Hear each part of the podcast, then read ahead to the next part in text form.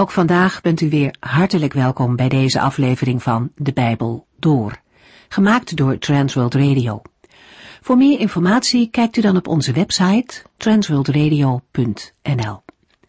In deze serie gaat u in vijf jaar tijd met ons de Bijbel door, van Genesis 1 tot en met het laatste vers in Openbaring 22.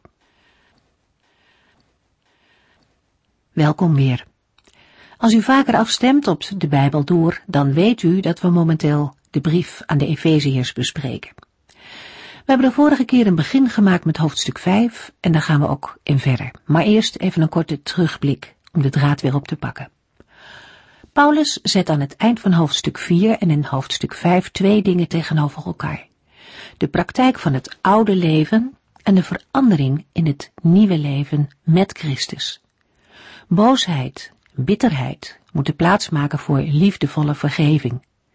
Vasthouden aan wrok verandert in een houding waarin men elkaar welgezind is. Dat kan heel moeilijk klinken, maar het is ook een samenleven waarin men elkaar tot zegen is. En waarin Christus zelf het voorbeeld heeft gegeven. Hoofdstuk 5 opent ermee. Wees dus navolgers van Christus.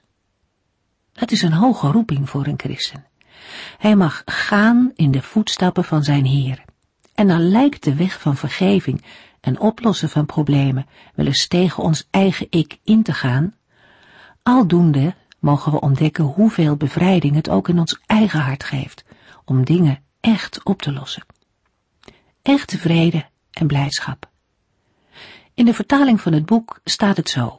Volg Gods voorbeeld in alles. En alles laat geen ruimte voor uitzonderingen. Kernwoord in dit volgen is liefde. De hele manier van leven wordt bepaald door de liefde. Het is het antwoord van gelovigen op de liefde die Christus ons heeft gegeven. Een liefde die tot het uiterste ging, tot in de dood. Vervolgens noemt Paulus een aantal zonden waar christenen afstand van moeten houden. Die hebben te maken met seksualiteit en opnieuw met de woorden die mensen spreken. Opvallend is dat in de voorbeelden zelfzucht centraal staat. Dat is de tegenhanger van ware liefde. Ware liefde die zichzelf voor de ander inzet en ware liefde geeft. Paulus maakt een scherp onderscheid tussen oud en nieuw leven. Licht wat in de plaats van duisternis is gekomen. En dat licht moet schijnen en dus ook zichtbaar worden in de praktijk van het dagelijks leven. We lezen verder in Efeziërs 5 vanaf vers 14. In de vorige uitzending hebben we gelezen dat de gelovigen in navolging van God en Christus, die zich voor hen opofferden, ontucht, onzedelijkheid, hebzucht en ongepaste taal moeten vermijden. Het zijn zonden die mensen buiten Gods koninkrijk sluiten en Gods straf over mensen brengt. Gelovigen moeten wandelen als kinderen van het licht, vragen naar wat de Heere graag wil en niet meedoen aan de zinloze praktijken van de duisternis. De praktijken van de duisternis moeten worden bestreden, aan de kaak worden gesteld en worden ontmaskerd. In Efeziërs 5 vers 13 heeft Paulus gezegd dat de werken van de duisternis worden ontmaskerd als ze in het licht worden gebracht. Om vers 13 goed te begrijpen is het van belang te bedenken dat Paulus er, in vers 14, een citaat op laat volgen. Dat doet hij om wat hij in vers 13 heeft geschreven verder te motiveren. Efeziërs 5 vers 13 en 14. Maar als het licht op hen valt, worden ze, de dingen die de goddelozen doen, ontmaskerd. Alles wat openbaar wordt, is licht. Zo staat het ook geschreven. Slaper, word wakker. Sta op uit de dood en de Christus zal u licht geven. De gedachtegang van Paulus laat een opklimming zien van aan het licht brengen. Via het licht dat op de duistere dingen valt, waarmee het openbaar wordt, naar het in het licht zijn, waarmee de duistere werken zijn ontmaskerd. Het eerste doel daarvan is dat al die gruwelijke dingen die stiekem worden bedreven, ontmaskerd worden. Dat gebeurt door het licht. Het brengt alles wat in het donker wil blijven aan het licht. Daarmee wordt alles in al zijn schandelijkheid openbaar.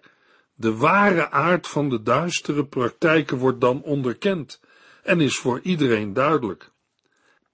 Het sluit aan bij wat Paulus schrijft in Galaten 5 vers 19. Het is duidelijk wat de zondige natuur voortbrengt.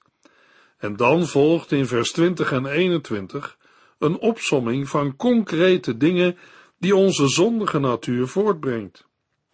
In het licht van Gods waarheid komt alles aan het licht.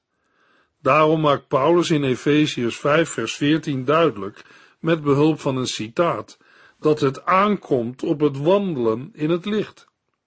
Bij het citaat dat de apostel gebruikt, kan het gaan om een samenvoeging van twee teksten uit het Oude Testament, namelijk Jesaja 26 vers 19 en Jesaja 60 vers 1. Zulke citaten zijn voor Paulus niet ongewoon, omdat het citaat nogal afwijkt van de genoemde tekstplaatsen uit het Oude Testament, denken sommige Bijbeluitleggers dat het in vers 14 gaat om een oud-christelijk lied, in het licht van vers 19, een dooplied. De oproep om wakker te worden en op te staan maakte deel uit van het toenmalige dooponderwijs.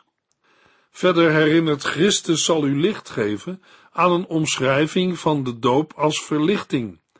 De heerlijke tijd toen u Christus pas had leren kennen. In dit geval wil Paulus met deze aanhaling nog eens benadrukken wat voor grote verandering er in hun leven heeft plaatsgevonden en wat daarvan de consequenties zijn. Als de gelovigen dit ernstig nemen, hebben zij de belofte dat Christus hen licht zal geven. In Lucas 1 vers 78 en 79, versen uit de profetie van Zacharias, wordt duidelijk dat met het geven van licht het geven van genade wordt bedoeld. Zacharias profeteert over Johannes de Doper. En jij, kind, jij zult een profeet van de Allerhoogste God worden genoemd. Jij zult voor de redder uitgaan, om zijn volk voor te bereiden op zijn komst. Jij zult hun vertellen dat ze gered kunnen worden door vergeving van hun zonden. Want het hart van onze God loopt over van liefde en goedheid. Een hemels licht zal op ons schijnen, zodat de mensen die in het donker en de schaduw van de dood zitten, weer kunnen zien en wij op de weg van de vrede worden gebracht. Luisteraar, het licht dat Christus u wil geven, is op een prachtige manier verwoord door Zacharias. Het zijn woorden die de Heere zelf door zijn heilige geest in zijn mond heeft gelegd. Zacharias mag ze uitspreken, want het hart van onze God loopt over van liefde en goedheid. Een hemels licht zal op ons schijnen, zodat de mensen die in het donker en de schaduw van de dood zitten, weer kunnen zien en wij op de weg van de vrede worden gebracht. Bent u al op de weg van de vrede gebracht? Misschien stelt u na deze vraag wel dezelfde vraag als de volgelingen van de Heer Jezus in Johannes 14. Hoe zouden wij dan de weg weten? Het antwoord van Jezus is: Ik ben de weg, de waarheid en het leven. Ik ben de enige weg tot de Vader. Als jullie mij kennen, zullen jullie ook mijn Vader kennen. Efeziërs 5, vers 15. Let dus goed op hoe u leeft. Wees niet onnozel, maar verstandig. In de voorgaande verse heeft Paulus zijn lezers laten zien dat ze telkens weer gevaar lopen in een heidense manier van leven terug te vallen. Daaruit trekt hij nu in vers 15 de consequentie. Met nadruk houdt de apostel de gelovigen voor dat zij goed moeten opletten hoe zij leven. Hoe brengen zij het wandelen als kinderen van het licht in praktijk? Want daar komt het op aan. Het is een kwestie van leven of dood. Dit laatste blijkt uit de woorden: let dus goed op hoe u leeft. In de Griekse tekst vinden we de toevoeging nauwkeurig in de zin: let dus goed op hoe nauwkeurig u leeft. Dit Griekse woord betekent ook grondig, tot in de puntjes. Het hoe van die levenswandel ligt Paulus toe met een tegenstelling. Zij moeten zich niet gedragen als onwijs of onnozel, maar als wijs en verstandig. Dat wil zeggen, als mensen die de wil van de Heere kennen, daarna handelen en leven. Een christen moet nauwkeurig letten op hoe hij of zij leeft.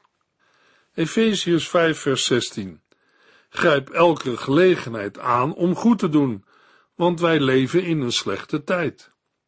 Dat het voor gelovigen van belang is dat zij verstandig leven, benadrukt Paulus in vers 16 door te stellen dat de tijd dringt.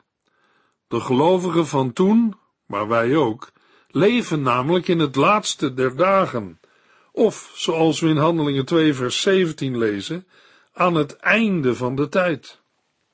Paulus geeft als kenmerk van die tijd aan dat het een slechte tijd is. Mogelijk dat iemand vraagt, is dat wel waar? Ik denk dat Paulus gelijk heeft. Zeker in het licht van Efeziërs 6 vers 13. Daar schrijft de apostel, bewapen u met al Gods wapens, om u te kunnen verdedigen als de vijand aanvalt. Dan zult u, na grote dingen te hebben gedaan, ongeslagen uit de strijd tevoorschijn komen. Maak u klaar. De vijand ligt op de loer om de gelovigen van God af te trekken en te verleiden. Daarom hebben we een geestelijke wapenrusting nodig. En de ongelovigen, die probeert de vijand op een dwaalspoor te houden en te overgieten met ontucht, onzedelijkheid, hebzucht en ongepaste taal. Wij leven in een slechte tijd.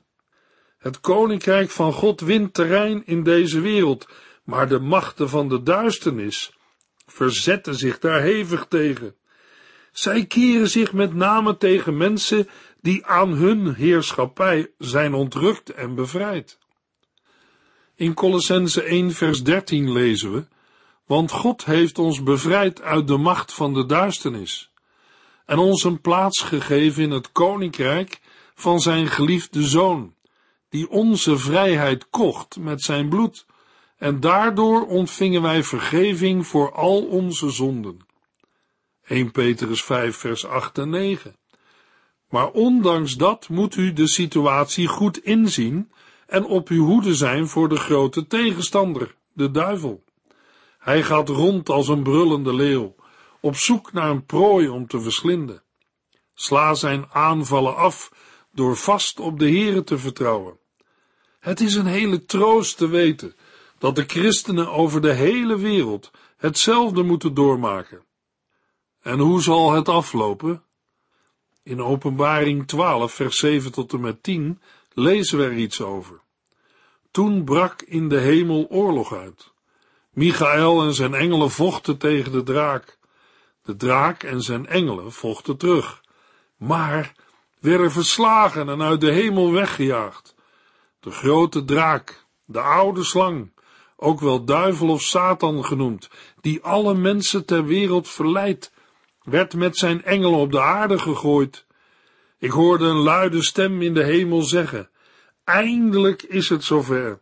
God heeft de bevrijding gebracht. Hij heeft zijn macht gebruikt om zijn koninkrijk te vestigen.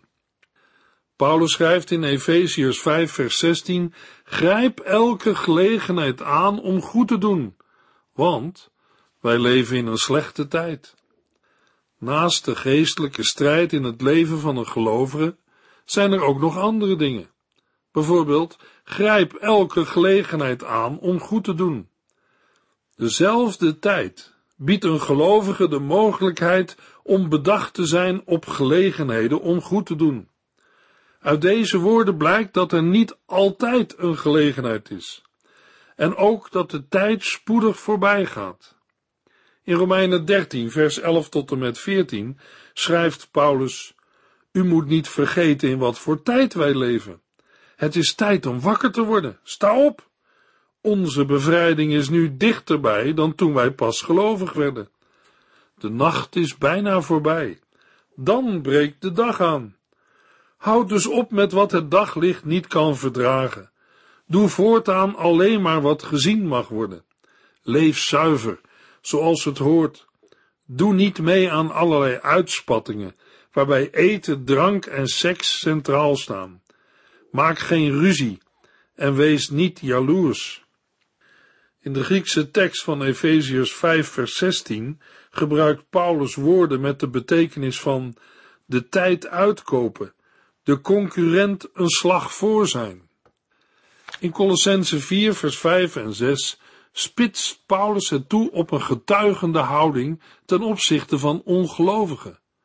Gedraag u wijs tegenover de ongelovigen en gebruik elke gelegenheid om hun het goede nieuws door te geven. Wees in uw spreken vriendelijk, maar beslist, om zo iedereen een goed antwoord te geven. Efeziërs 5 vers 17 Denk goed na en probeer te ontdekken wat de Heere van u verlangt. Omdat de dagen boos zijn, of met andere woorden, wij in een slechte tijd leven, moeten gelovigen niet onverstandig zijn. Paulus gebruikt hier een soortgelijke tegenstelling als in vers 15.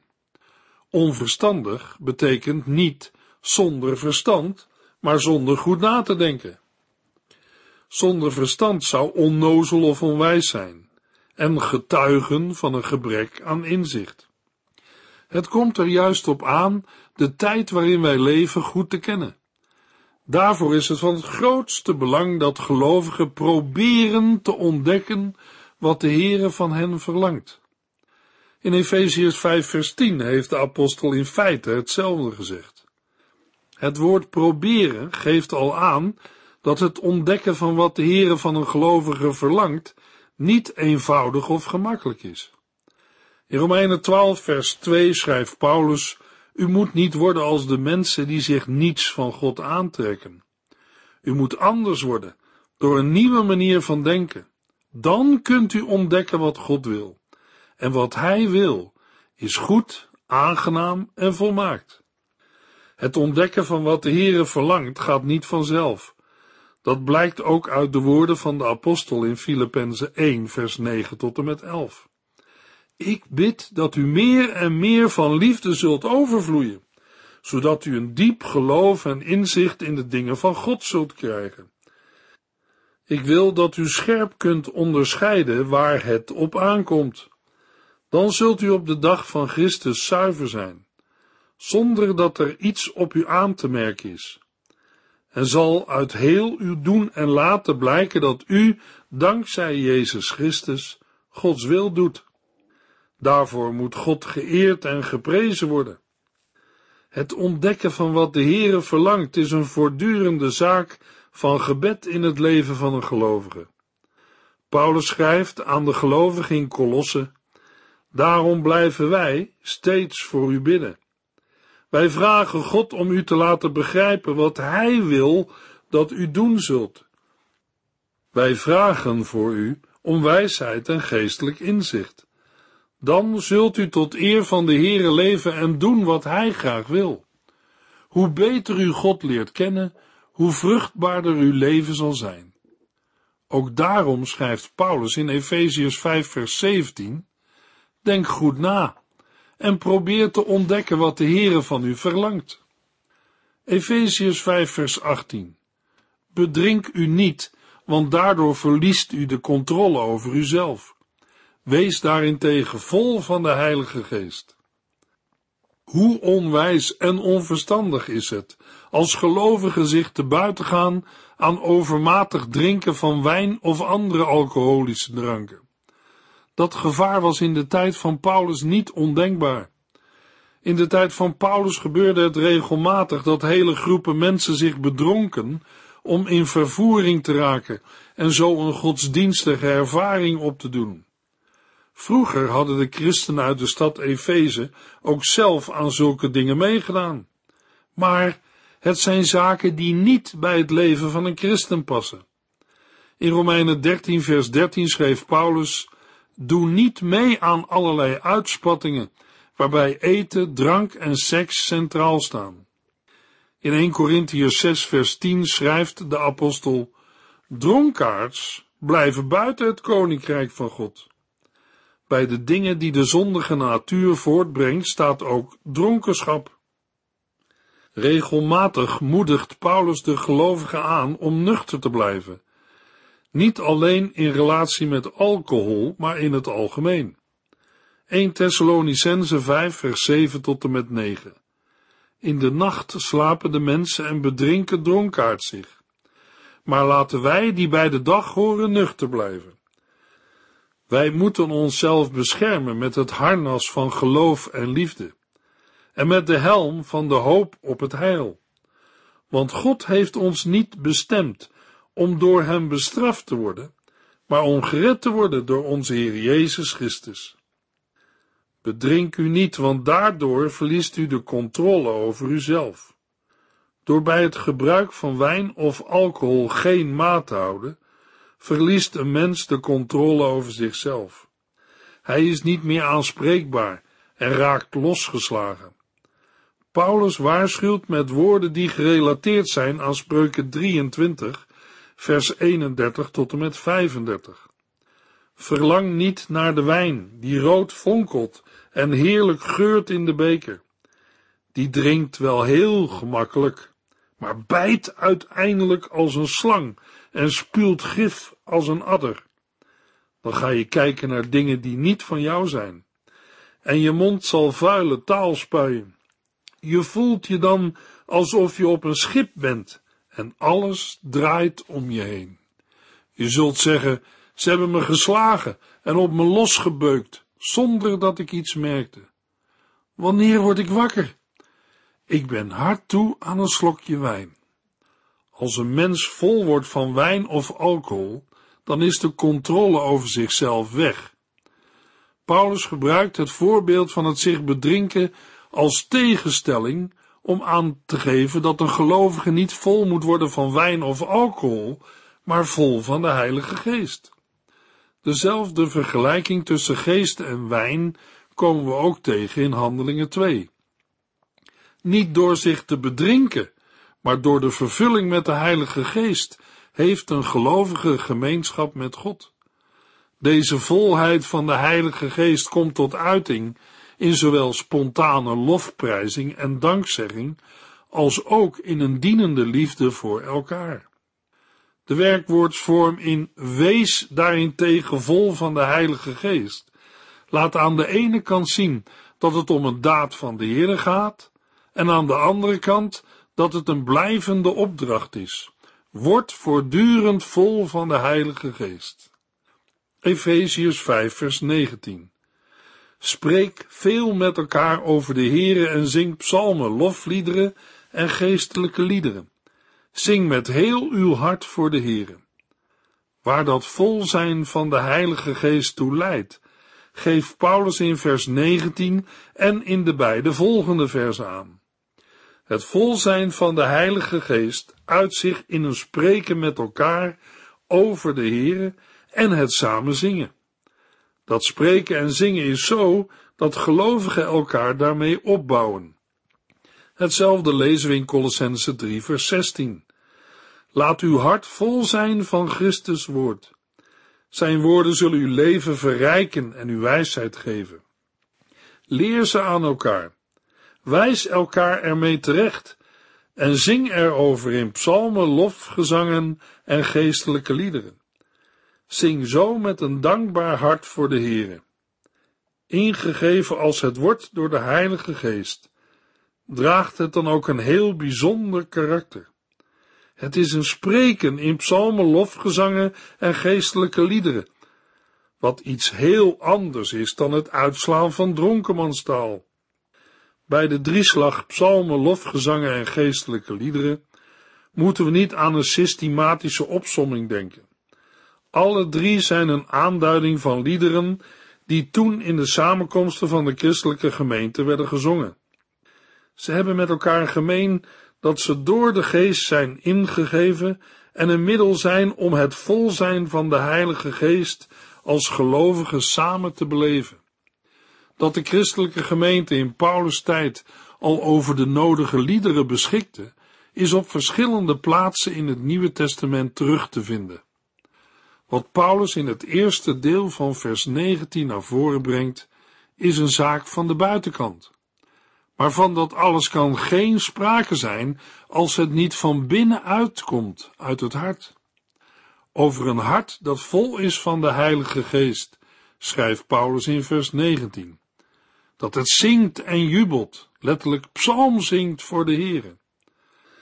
Hetzelfde vinden we in 1 Corinthians 14 vers 15 waar de apostel zegt, wat ik hiermee wil zeggen, is dat ik zal bidden met mijn geest en bidden met mijn verstand.